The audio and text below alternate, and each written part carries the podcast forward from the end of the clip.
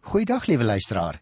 In die vorige program het ons gekom by daardie gedeelte hoe dat die stryd nou ontstaan. Wie sal koning Dawid, die beroemde koning Dawid, se opvolger word? En het ons gesien, die stryd het eintlik na vore getree deur Adonia wat homself as 'n uh, koning beskou het, hoewel hy nooit gesalf is, uh, nie of gekroon is nie.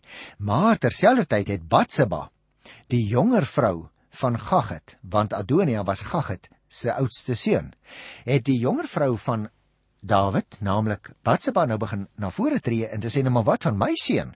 My seun Salomo is baie oulik. So hier is nou die twee prinses en nou druk Batseba die arme koning hier op sy sterfbed so bietjie in 'n hoek en wat doen sy? Sy kry 'n geestelike, naamlik die profeet Nathan wat ook een van Dawid se groot ondersteuners was en hy kom nou ook met haar praat.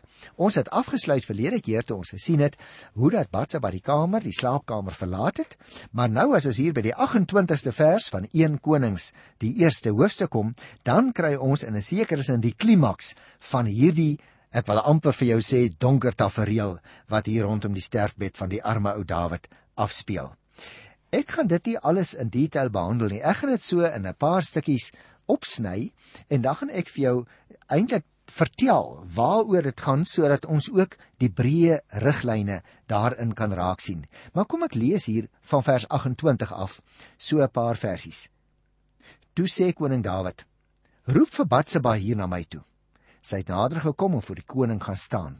Toe lê die koning 'n eed af en sê: "So seker as die Here lewe, wat my uit alle benoudheid verlos het, soos ek vir jou met 'n eed voor die Here, die God van Israel, bevestig het dat jou seun Salomo na my koning sal word en dat hy in my plek op die troon sal sit, so doen ek nou weer." Batseba het voor die koning gekniel en gebuig en gesê: "Mag koning Dawid baie lank lewe. Nou wil ek dadelik sê, liewe luisteraars, dit is 'n bietjie ironies want die arme man lê eintlik op sy sterfbed. Maar kom ons praat oor hierdie gedeelte. Die strategie wat nou uitgewerk is, werk soos wat dit beplan is. Adonia se eie willige miskenning van sy pa laat die ou man dadelik reageer.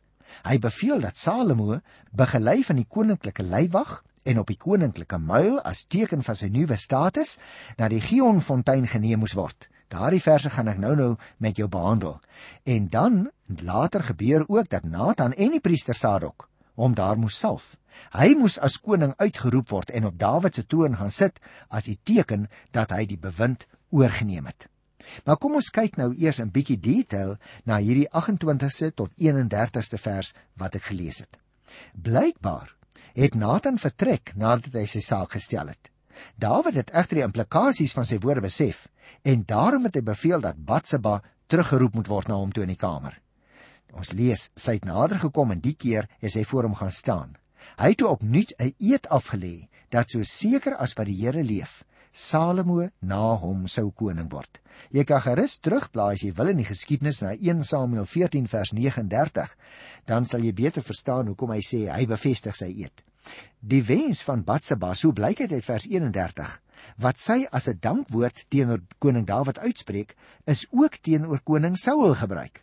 En dit sal nog meermale in die geskiedenis tussen hierdie mense en die nageslag gehoor word hoor. Die woorde mag die koning baie lank lewe.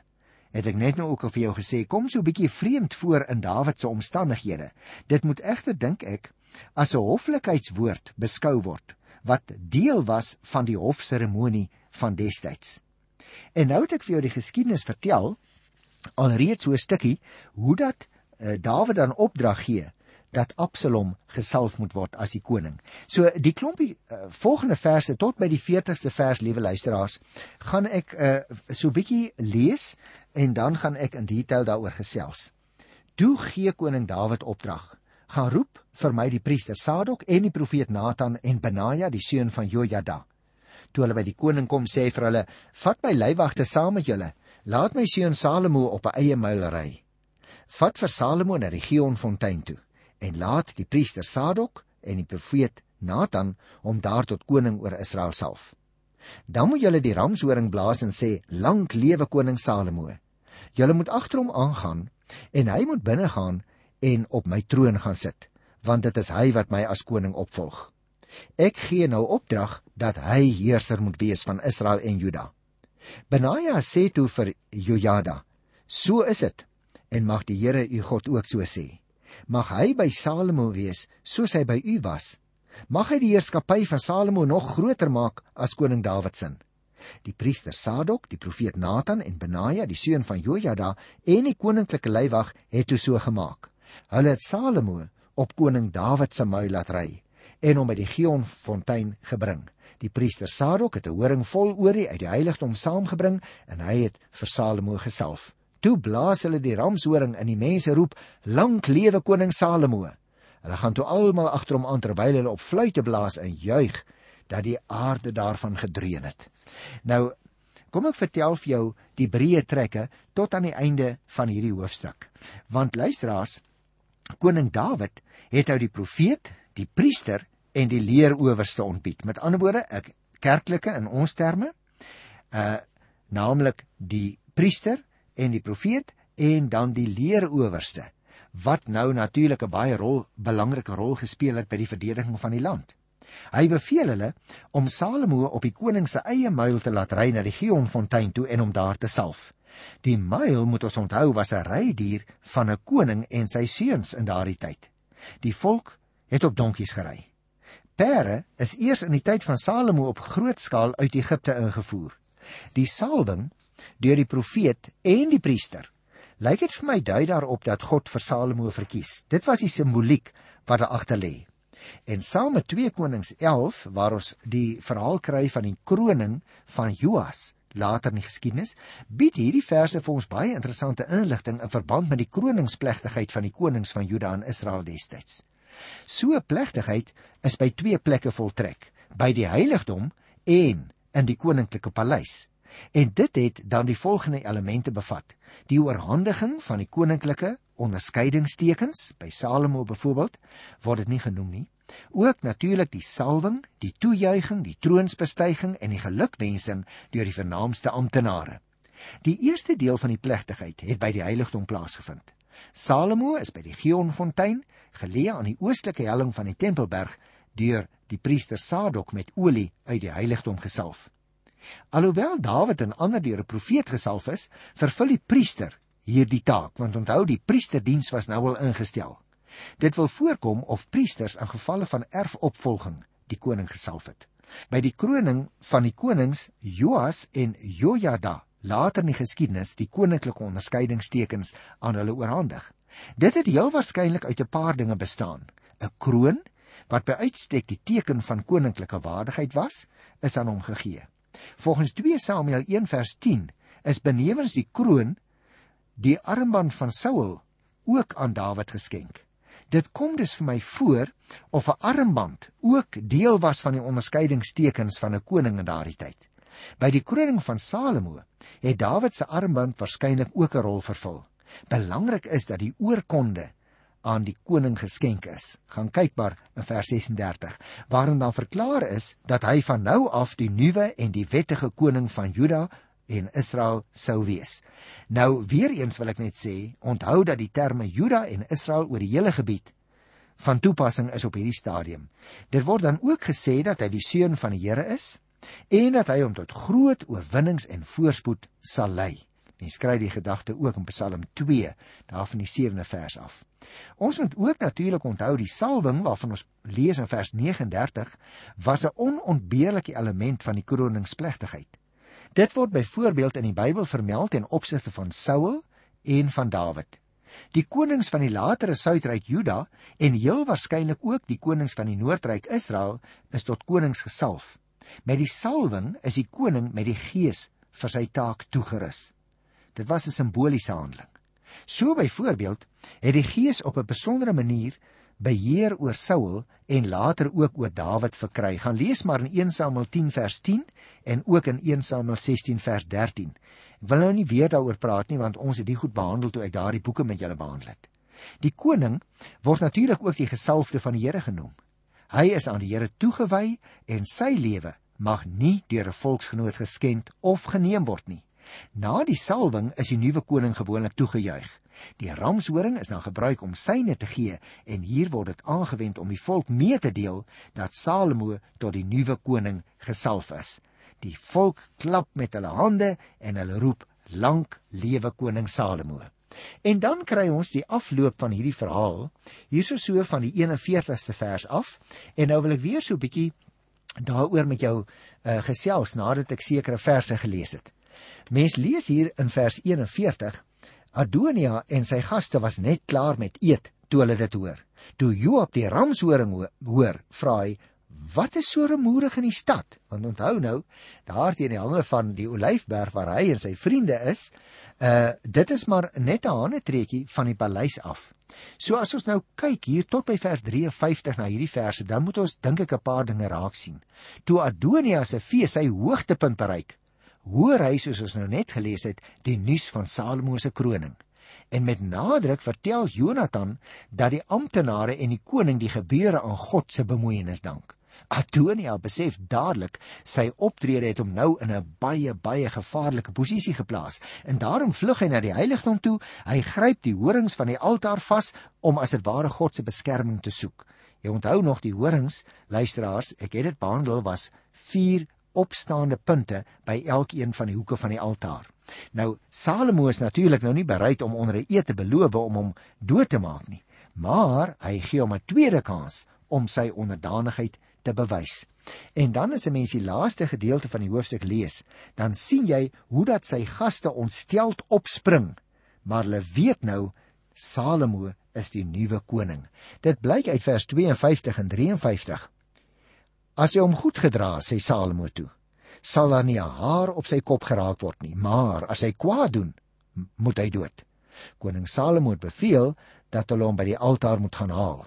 Toe hy by koning Salomo kom, het Adonia voor hom gebuig en Salomo sê vir hom: "Gaan bly by jou huis." Met ander woorde, Salomo het ook besef as hy die leier van hierdie faksie om die lewe sou bring, dan kan dit vir hom wat Salomo is as die nuwe koning ook baie probleme veroorsaak want hierdie mense sou natuurlik ook in opstand kon kom omdat hulle nou nie aanvanklik Salomo as die koning wou aanvaar nie. Met ander woorde, Salomo erken Adonia se reg op asiel en daarom laat hy hom vry. Waarom het Salomo dit gedoen mag jy vra? Miskien luisteraars, miskien het hy gemeen Adonia is gesalf en dat hy al het sy pogings misluk, nogtans oor 'n waardigheid beskik wat Salomo moes eerbiedig. Of dalk, dalk wou hy teenoor die teeparty die indruk van tegemoetkomendheid wek. Adonia moes nietemin beloof Die Bybel sê om hom goed te gedra. Met ander woorde, hy moes lojaal wees teenoor Salomo en hom aan geen ondermynende aktiwiteite skuldig maak nie. Daarom sê die koning vir hom in die 53ste vers: "Gaan en bly in jou huis." Dit lyk vir my so bietjie in ons terme vandag na 'n mate van huisarrest of dalk 'n waarskuwing om jou nie met staatsake in te meng nie. Dit moet jy goed verstaan. Ek dink dit is wat Salomo vir hom sê met hierdie handeling wat hy uitdoen, uitvoer. En nou liewe luisteraars, wil ek tog ook kyk na die eerste 12 versies van hoofstuk 2. Want ons kry hier ook 'n baie interessante gedeelte want dit is Dawid se laaste opdragte en dit bestaan uit vermaanings en aanbevelings aangaande sekere persone. Kom ons kyk na die eerste 4 verse. Toe Dawid se einde nader, het hy sy seun Salomo beveel: "Nou dat ek die pad van alle mense moet gaan, moet jy sterk wees en soos 'n man optree. Hou jou aan wat die Here jou God jou voorskryf en lewe daarvolgens. Gehoorsaam sy voorskrifte, sy gebooie, sy bepalinge, sy verordeninge, soos dit opgeskryf is in die wet van Moses. Dan sal jy voorspoedig wees in alles wat jy doen en oral waar jy gaan. Dan sal die Here sy beloftes vervul." Hy het vir my gesê: "As jou nakommelinge nou gesed leef en met hart en siel aan my getrou bly, sal daar altyd een uit jou nageslag as koning oor Israel regeer." Nou hier het ons dus 'n interessante weergawe van hoe dat Dawid sê, daar is sekere voorwaardes, my seun Salomo, as jy suksesvol wil wees. En ons moet oplet, liewe luisteraar, hierdie gedeelte verwoord 'n baie belangrike teologiese uitgangspunt wat ons in die boeke Deuteronomium tot hier by 2 Konings gaan teekom, naamlik die klem op die gebooie en voorskrifte van die Here. Indien Salomo suksesvol behaal sê Dawid, dan moet hy eers hierdie basiese vereistes nakom. Interessant. In teenstelling met 2 Samuel 7 waar die beloftes gemaak word, jy onthou daardie Natans beloftes wat ons daar behandel het, 2 Samuel 7 vers 11 tot 16, waar die koningskap onvoorwaardelik vir altyd aan Dawid toegesê is, vind ons hier 'n besliste voorwaarde, naamlik getrouheid aan die Here. Die verdwyning van die Dawids konings na die val van Jerusalem in 586 voor Christus moet dus ook in die lig van hierdie voorwaarde gesien word. Met ander woorde dat nie aan die Here getrou gebly het nie en daarom is die beloftes aan die Dawidshuis dat daar iemand uit hulle geslag op die troon sal wees van hulle kant af verbreek deurdat hulle ontrou geword het. Uit die twee eerste versies wil ek net ook nog dit onderstreep luisteraars. Toe Dawid voel dat die einde naderkom, sê hy, ontbied hy vir Salomo om sy laaste wilsbeskikkings aan te hoor. Onthou jy die aardsvaders het dit ook gedoen. Gaan kyk maar daar in Genesis 49. Hy verklaar dat hy nou gaan sterwe, dus die pad van alle mense moet gaan en Salomo moet dan sterk wees. Onthou jy Joshua het dit ook vir die volk gesê toe hulle die beloofde land ingetrek het. Wees sterk en dapper, wees vol moed. Daarom sê Dawid ook vir hierdie seun Salomo vir hom: Jy moet sterk wees en soos 'n man optree in die uitvoering van my opdragte. Maar nou kom ons so baie baie interessant. Ek wil amper vir jou sê so 'n bietjie van 'n onderbrekingkie in die argument, want hier van vers 5 af kry ons iets heeltemal anders. Jy weet self, so sê Dawid vir sy seun Salomo, wat Joab die seun van Seruia my aangedoen het. Wat hy gedoen het met die twee leeroowerstes van Israel. Hy het hulle vermoor. Hy het hulle in vredestyd doodgemaak asof daar oorlog was. Hy het hulle onskuldige bloed op die gordel om sy lyf en op die skoene aan sy voete laat spat. Doen met hom soos jy dit goed vind. Moenie sy lewe spaar net omdat hy oud is nie. Nou dit klink dalk vir ons so 'n bietjie bloeddorstig, liewe luisteraars. Maar ek dink Dawid besef dat daar ook gevaar is dat daar ander mense is wat verseker nie vir Salomo as die nuwe koning gaan ondersteun nie. En daarom gaan dit ook hier in vers 5 en 6 oor bloedskuld. Dawid het Joab nie die bedrieglike moorde op Abner en Amasa vergewe nie. As die verantwoordelike persoon is Dawid mede-verantwoordelik vir Joab se dade. Hy moes Joab lankal gestraf het. Maar hy kon nie. Miskien eerstens omdat die steun wat Joab onder die soldate geniet het 'n probleem was. Tweedens, Dawid se eie komplot rondom die dood van Uria het seker in sy eie gedagtes gelê en derdens natuurlik die feit dat Joab familie van hom was en boonop 'n vertroueling. En hierdeur luisteraars het Dawid natuurlik sy eie gesag so bietjie ondergrawe en ingeboet. Kom ons lees nou hier van die 7de vers af. Jy moet goed wees vir die seuns van Barzillai van Gilead. Laat hulle van jou tafel af eet, want hulle het vir my kos gebring toe ek vir jou broer Absalom gevlug het. Is dit nie wonderlik wat ons hier lees nie? Want aan die een kant lees ons van bloedskuld in die geval van Joab, maar aan die ander kant sou ek sê lees ons hier wat sal ek dit noem? Ereskuld aan Barzillai. Jy onthou nog toe Dawid voor Absalom gevlug het, het Barzillai vir Dawid gasvry behandel. En nou wil hy seker maak dat sy belofte aan sy ou vriend, ons lees daarvan in 2 Samuel 19 vers 38, na sy dood nagekom sal word. Dit is dus eintlik 'n stuk dankbaarheid wat Dawid deur Salomo wil betoon aan die seuns van Barzillai van Gilead. Hy sê jy moet vir hulle goed wees. En luister nou na vers 8 en 9.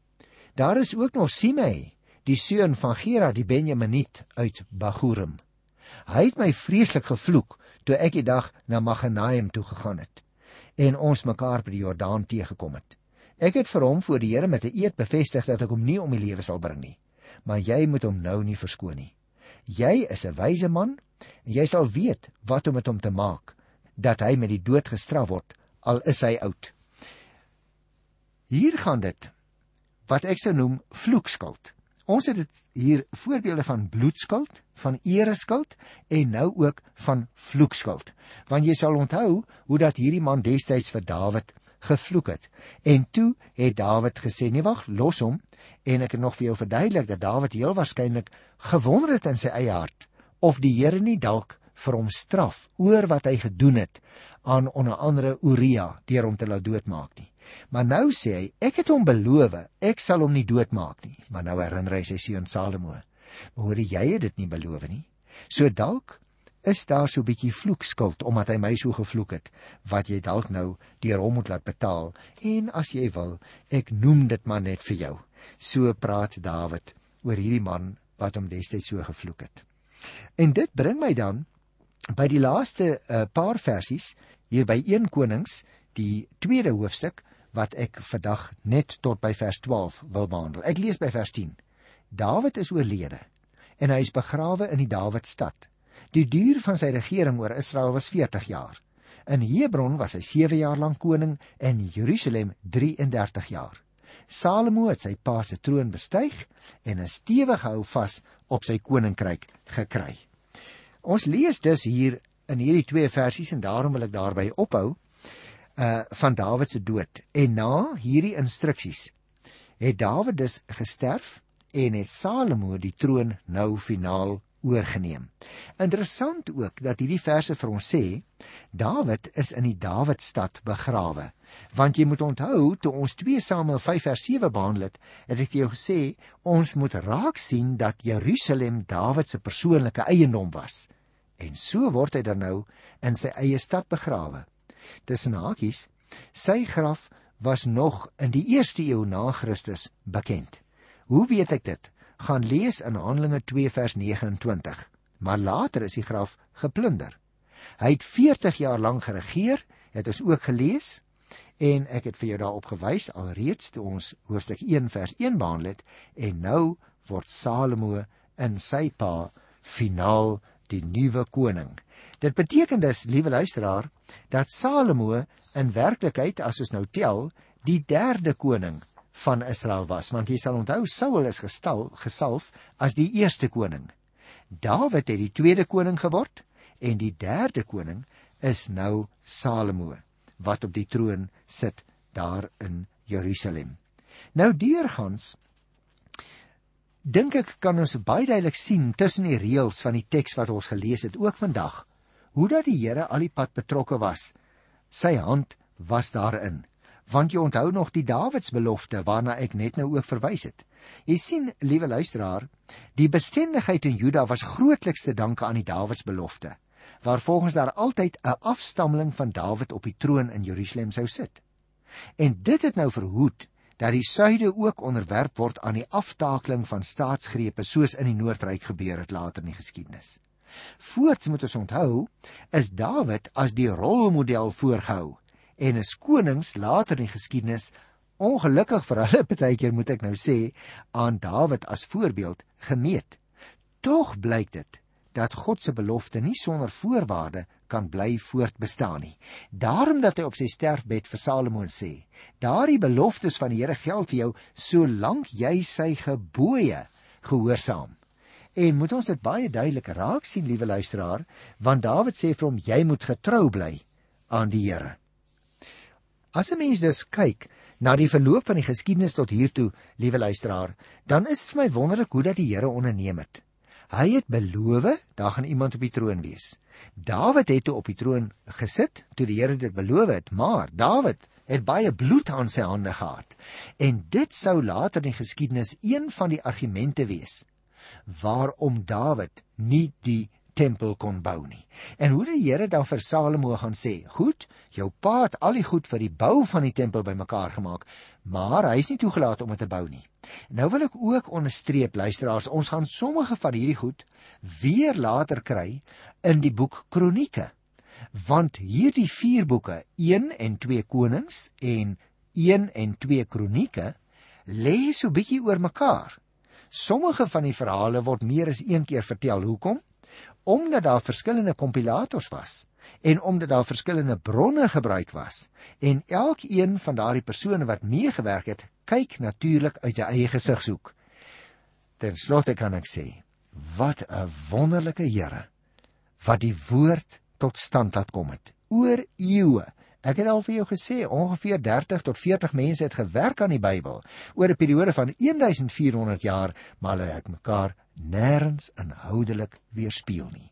Wat 'n wonderlike wonderlike God in wie Dawid geglo het wat ook vir ons gereël het dat die woorde van daardie tyd op skrif gekom het sodat ons die Bybel het. Ek groet jou in sy wonderlike naam tot volgende keer. Tot dan. Totsiens.